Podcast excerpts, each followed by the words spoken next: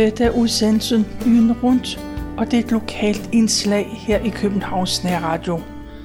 Mit navn er Tove Christensen, og jeg har været på hjemmesiden dengang.dk, og der har jeg fundet en historie om børn på Nørrebro i 1950'erne.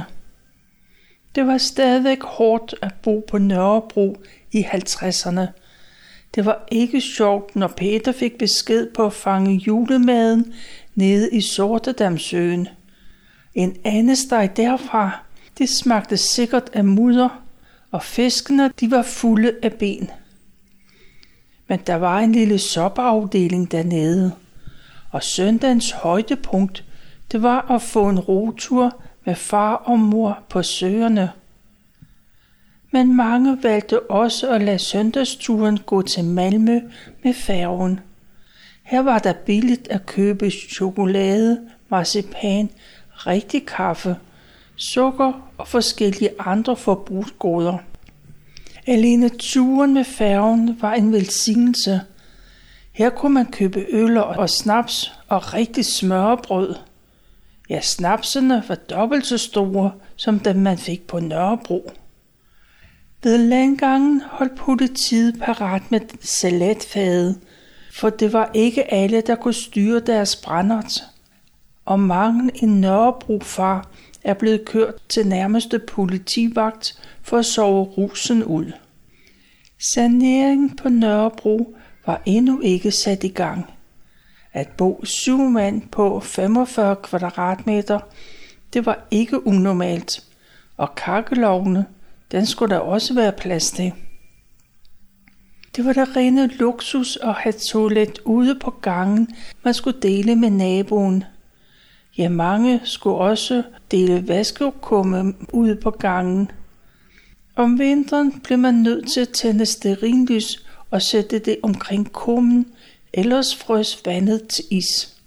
Børnene blev mange steder mødt af en bestemt lugt. Det var af kål, afkogt fedt, kartofler og manglende rengøring. De ting, de signalerede lav social status. I 1950 var der kun 48 procent af alle lejligheder, der var lys, gas og WC. Og kun 33 procent havde eget bad, centralvarme og varmt vand. Og når ja, og i det små hjem på Nørrebro, der hang det smukke billede af den brølende jord ved den idylliske skovsø. Holger Fællesanger havde allerede i 1945 sunget, når der kommer en båd med bananer. Men den båd kom først til København i 42. Men efterhånden så blev bananerne lidt mere almindelige. Menuen i 50'erne var præget af grød. Det var mælke- og sulemad. Og det blev for langt, at der skulle spises op. Salat, det blev betragtet som kaninfoder, og det var ikke populært på Nørrebro. Som mellemmad fik man franskbrød med sukker eller lyse pålægtschokolade. Margarine og smør, de slås om markedet, og i brusen kunne man købe havregryn. Der var davre, der var biofoska og ikke mindst Ota solgryn. I Schönberg sagde i biografreklamer, at sunde børn er nemme børn. Og Helge Kieroff Schmidt, han var Vitalius Sørensen i Ota Grøn reklamen. Mange købte stadig gammelt brød hos bageren, for det var billigere. Og privatliv var noget, man drømte om. Man havde det i hvert fald ikke for sig selv. Gennem de tynde vægge hørtes skænderier og børnegråd. Og masser af drukkenbolde gjorde deres besøg med. Og der var kun 6-7 alen til nabobygningen. Havde man ingen penge, ja, så kunne man aflevere sit pæne tøj på lånekontoret. Om fredagen, når man havde fået løn, så kunne man hente det igen og betale renterne. Forretningerne på Nørrebro havde store problemer med børn, der stjal. der rapsede. Det gik konkurrence i, hvem der hurtigt skulle hugge fra forretningens udstillingskasser. Når det blev opdaget, ja, så måtte man holde en lille pause. Og det gav høj status hjemme i gården, når det lykkedes. Og mange, de måtte stadigvæk ned i gården. Der var ikke lys på trappen, når man skulle ned til det uhumske retirader, retirader ned, ned til rotterne og den uhumske lugt. Så natpotten, den var stadigvæk i brug i så natpotten var stadigvæk i brug på Nørrebro dengang. Den skulle tømmes, og det var som regel den ældste knægt, der blev udnævnt som pølsetømmer.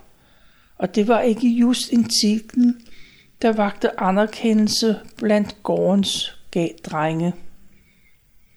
Og der var masser af rotter i gårdene.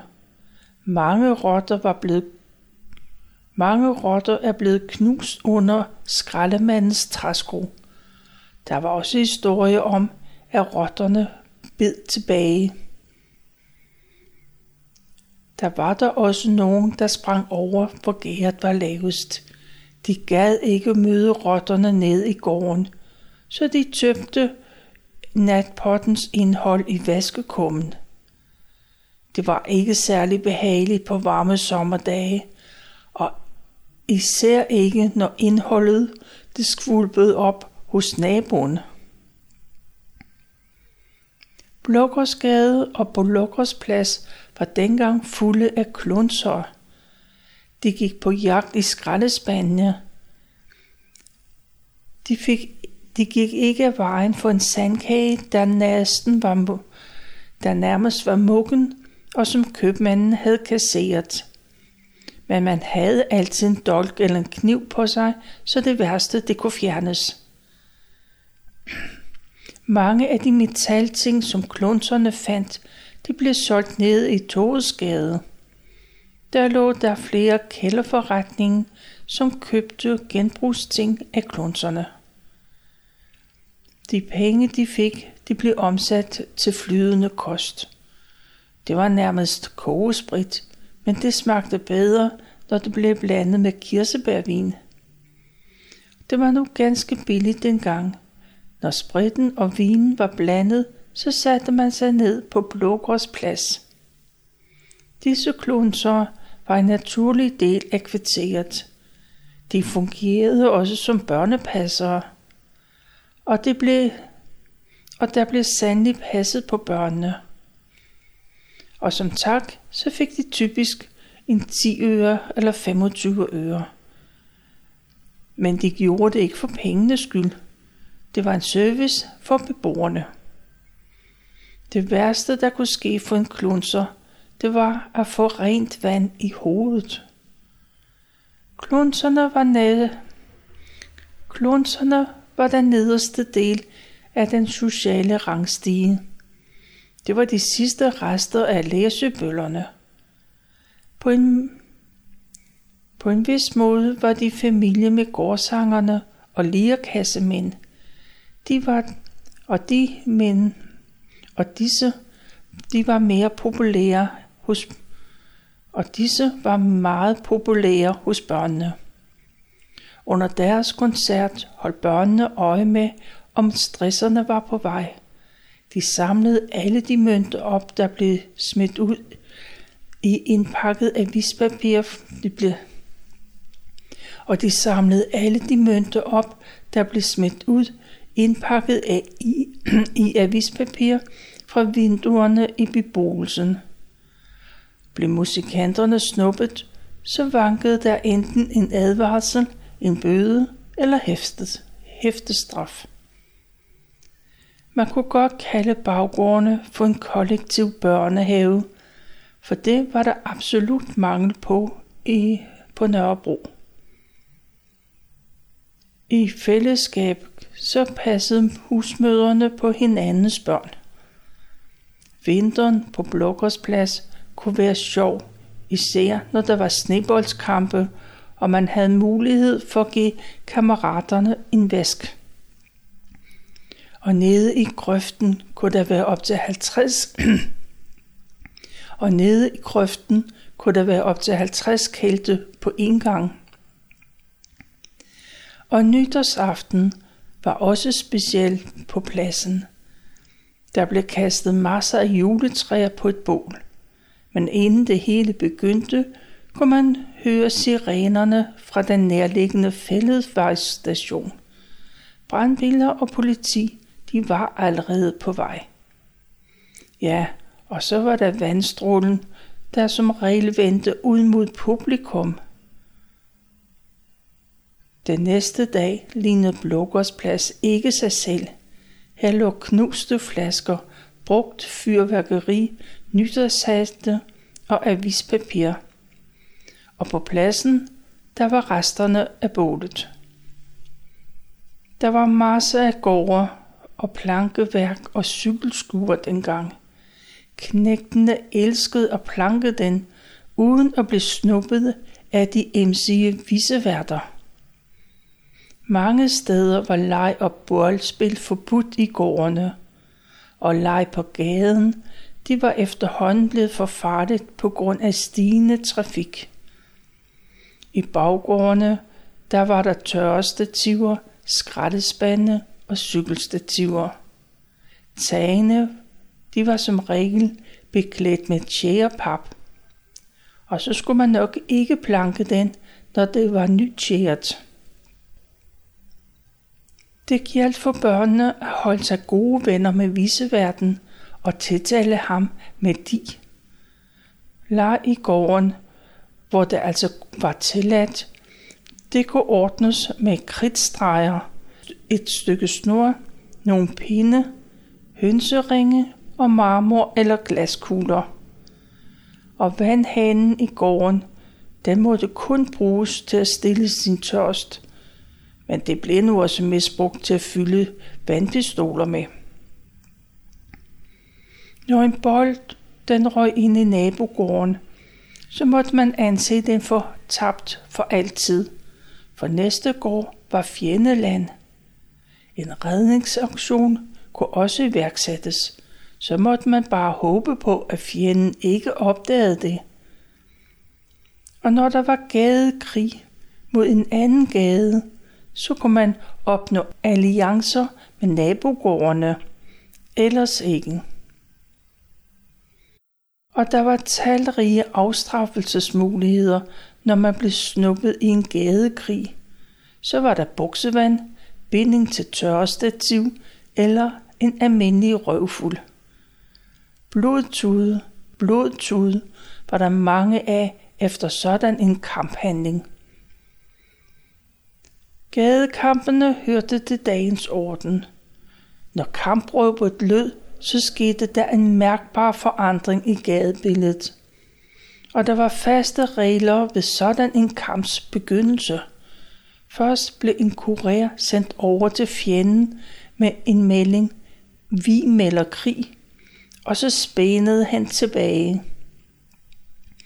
Børnene de var forsynet med kosteskafter, naturgrene, læderramme og halstørklæder, der var bundet med store knuder. Onde påstod, at de var forsynet med søm, så de kunne volde endnu større skade. Og pusterør, de blev også brugt. Det var godt at affyre store ærter i hovedet på fjenden. Sejrherren fulgte taberne gennem gaderne, og de, der var taget til fange, de måtte senere befries. En yndet sport blandt Nørrebros knægte, det var at skyde efter glødelamperne, der oplyste gaden. Ramte man med en snebold, så kunne det udløse en mindre eksplosion. I Stefansgade var der i mange år gasgadelys. Det var meget omstændigt at passe dem. Og de sidste gadelygter i København, de var i Sjællandsgade, og det blev først slukket i 1963. Og så var det sjovt at lege på den forbudte legeplads. Det var bag vandværkets oplagringsplads ved Lundtoftegade. Her lå det sidste stykke af Lygteåen. Det mødtes kort efter den tildækkede Ladegodså ved Ågade. I 1950 havde man ikke råd til at gå til tandlæge, og det var ikke altid, at skoletandlægen var nok. Havde børnene ondt i tænderne, så måtte man gribe til noget alternativt. Og det var en klud dyppet i brændevin, og den blev placeret i barnets mund. Og når vi nu er ved tænder, så kunne tænder sagtens børstes i håndsæbe.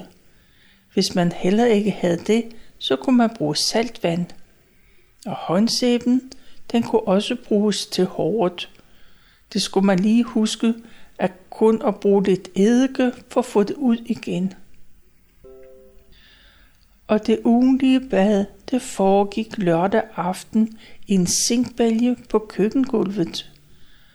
Om vinteren var det dog foran kakkeloven inde i stuen.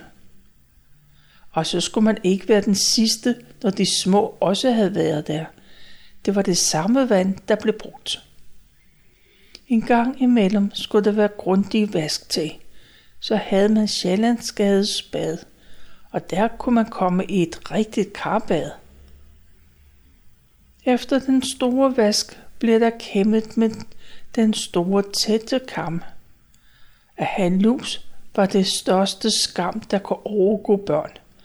Havde man lus, ja, så måtte man i gang med olie med en kraftig stænk af petroleum.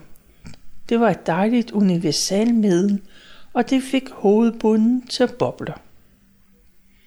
Det var også uheldigt, hvis skolelægen opdagede, at man havde fnat. De små kløende midder var ret irriterende. Og i gamle dage måtte børnene en tur på hospitalet. Og det var en barsk omgang. Man blev smurt ind i en fed substans, der skulle sidde i lang tid. Så blev man sænket ned i en kæmpe badekar med varmt vand. Og efter opblødning, så blev man skuret med sæbe og træuld. Og det gik ikke stille for sig. Og børnene skreg. Og derhjemme, der måtte man udskifte sengetøjet, og alt andet tøj, det skulle vaskes. Mange lejligheder, det var en lopperede. Det var fugtigt, og der var ikke mulighed for udluftning. Gulv og paneler blev vasket i salmiak spiritus, og møblerne skoldet. Det kunne holde utøjet i skak i nogen tid, indtil de atter kravlede gennem gulvet og vægge og lofter. Brændselslagerne, de lå som regel oppe på loftet. Så skulle kul og koks og optændingsbrænde først bæres op på femte sal, for så at blive båret ned igen. Det var mange børns opgave at hente det på loftet. En gang om året kunne man få en gratis rejse med DSB. Man var der forsynet med et mærke, så man ikke får vild på vej til Jylland. Her kom mange børn fra Stenbroen på ferie en gang om året. Ja, og skolegangen, den var stadigvæk noget speciel. Kunne man ikke læse eller skrive, blev man kaldt for dum, selvom det var koncentrationen, der manglede. Og så kendte man ikke begrebet tal og ordblindhed. Skolen i 50'erne var uden adslæger. De stakkels børn skulle tærpe kongerækken, salmeværks og købsteder. Og lærerne, de var små racistiske og upædagogiske. Der var ikke uden grund, at skolen blev kaldt for slaveanstalten. Der kom dog noget nyt i skolen, og det var skoleradio og skolebio. Ja, og så kom Søren og Mette i 1954. Gav vide, om de stadig går i skole. I 1951 blev fysisk straf forbudt i de københavnske kommuneskoler. Resten af landet fulgte først med i 1967. Men Man havde bare glemt at fortælle lærerne om den lov. Og der var rigeligt med bortvisninger, eftersidninger, lusinger og spanskrør. Og de unge mennesker, de havde hørt rygter om, at der på lærerseminarierne var et specielt fag, der hed at give den rigtige lussing. Det var vigtigt at ramme kinden med løse fingre. Der måtte ikke slås med samlede fingre, for det kunne sprænge trommehinderne. Kraftige farver var der begyndt at blive brugt i bolig- og køkkenindretningen, men det var ikke kommet til Nørrebro. Og alle spinklede og sparede. Tøjet var enten for småt eller for stort. Man gik i genbrugstøj, og det blev lappet. Det kendte man i hvert fald på Nørrebro.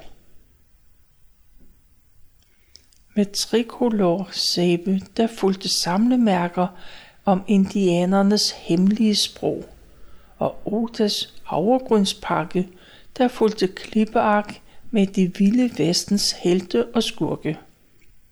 Og Riks samlemærker og album var meget udbredt. Hver gang man købte en pakke Riks til at blande i kaffen, så fulgte der et samlekort med.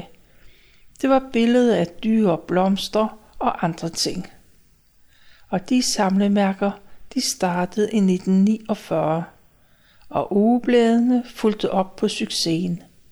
Havregrundspakkerne, de fulgte også med, og man, på, og man kunne på bagsiden klippe fodboldspillere ud.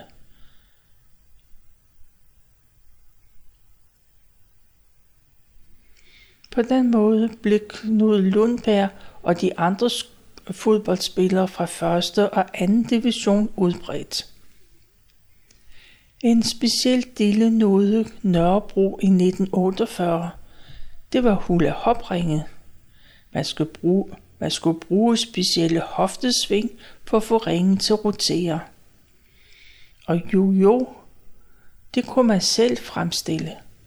Og populær, det var sæbebobler fra kridtpibe med sæbe og vand.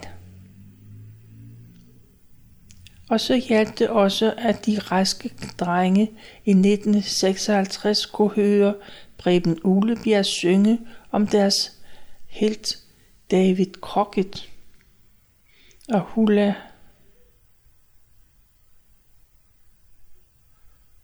og Hopalong Cassidy havde en seksløber, der kunne affyre 100, der kunne affyre 100 skud. Man kunne melde sig ind i en klub med westernhelte, og heltene kunne man se i biograferne. De mest populære biografer dengang – det var Odeon på Fælledvej, Nørrebros Bio på Nørrebrogade og Regana på H.C. Ørsteds vej. Men ak, en voksen person glemte sin cigaret, glemte sit cigaretskod oppe på balkongen i Odeon. Den har ligget og ulmet, og ved sekstiden næste morgen opdagede viseverden i naboejendommen, at biografen brændte. Og selvom brandstationen lå lige ved siden af, så brændte den ned. Og det var den 17. september 1958. Og det blev aldrig til biograf mere. Biograferne Colosseum på Jagtvej og Nora Bio ude på Højbanen det blev senere forvaltet til sur. Det blev senere forvandlet til supermarkeder. Odeon, den blev revet ned, og Nørrebro biograf overlevede, men senere blev det til et, mustiks, et til musiksted og teater. Det var som regel om søndagen, at børnene vandrede til biograferne. Den stod på cowboyfilm, men også film om sørøvere, soldater og andre helte. Tidspunktet var imellem 14 og 16. De fleste biografbilletter de kostede mellem 45 og 50 øre. Den billigste, det var Regani. Regina. Men så kunne man også risikere, at man skulle sidde to på et sæde. Og når det gik rigtigt for sig, så rejste man op og klappede og råbte på sine helte.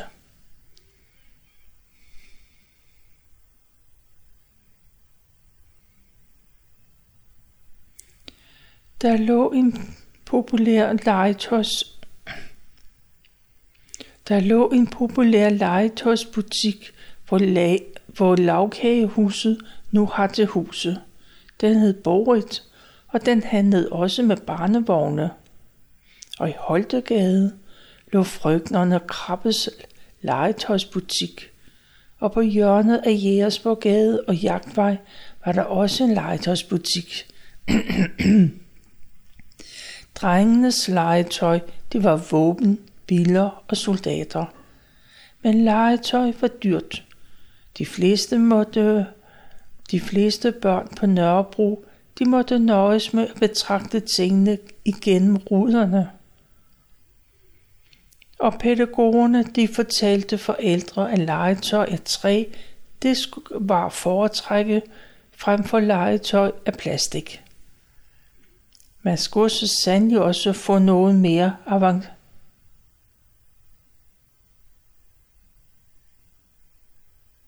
men der var også mere avanceret legetøj, og der var Teknos ingeniørsæt, modellervoks fra, fra Filia og den lille ingeniørsæt. Og de kloge pædagoger fortalte, at der intet var i vejen for, at drengene udmærket kunne lege med duk og sygtøj, og der var heller ikke noget vejen for, at piger kunne håndtere værktøj og plastikmursten eller træbyggesæt. Men der var også de klassiske, men der var også de klassiske ting som skak, mølle og dam og kortspil som sorte pære, tipsspillet, seksdagsløbet og matador. Men mange af bag men mange af baggårdsrødderne på Nørrebro, de måtte nøjes med bolde og terninger, glaskugler, chippetov og hønseringe. Radioen, den havde nu indbygget gramofon, så kunne man høre Rakel Rastani med heksedansen, når man ville. Det var den med, at her kommer mutter med kosterspand, og det var meget kendetegnende for den tids kønsroller. Pigerne med sløjfer i håret blev opdraget til at være dødsmønstre. De fik deres eget legetøj og deres egne bøger. De skulle opdrages til at gå hjemme ved kødgryderne.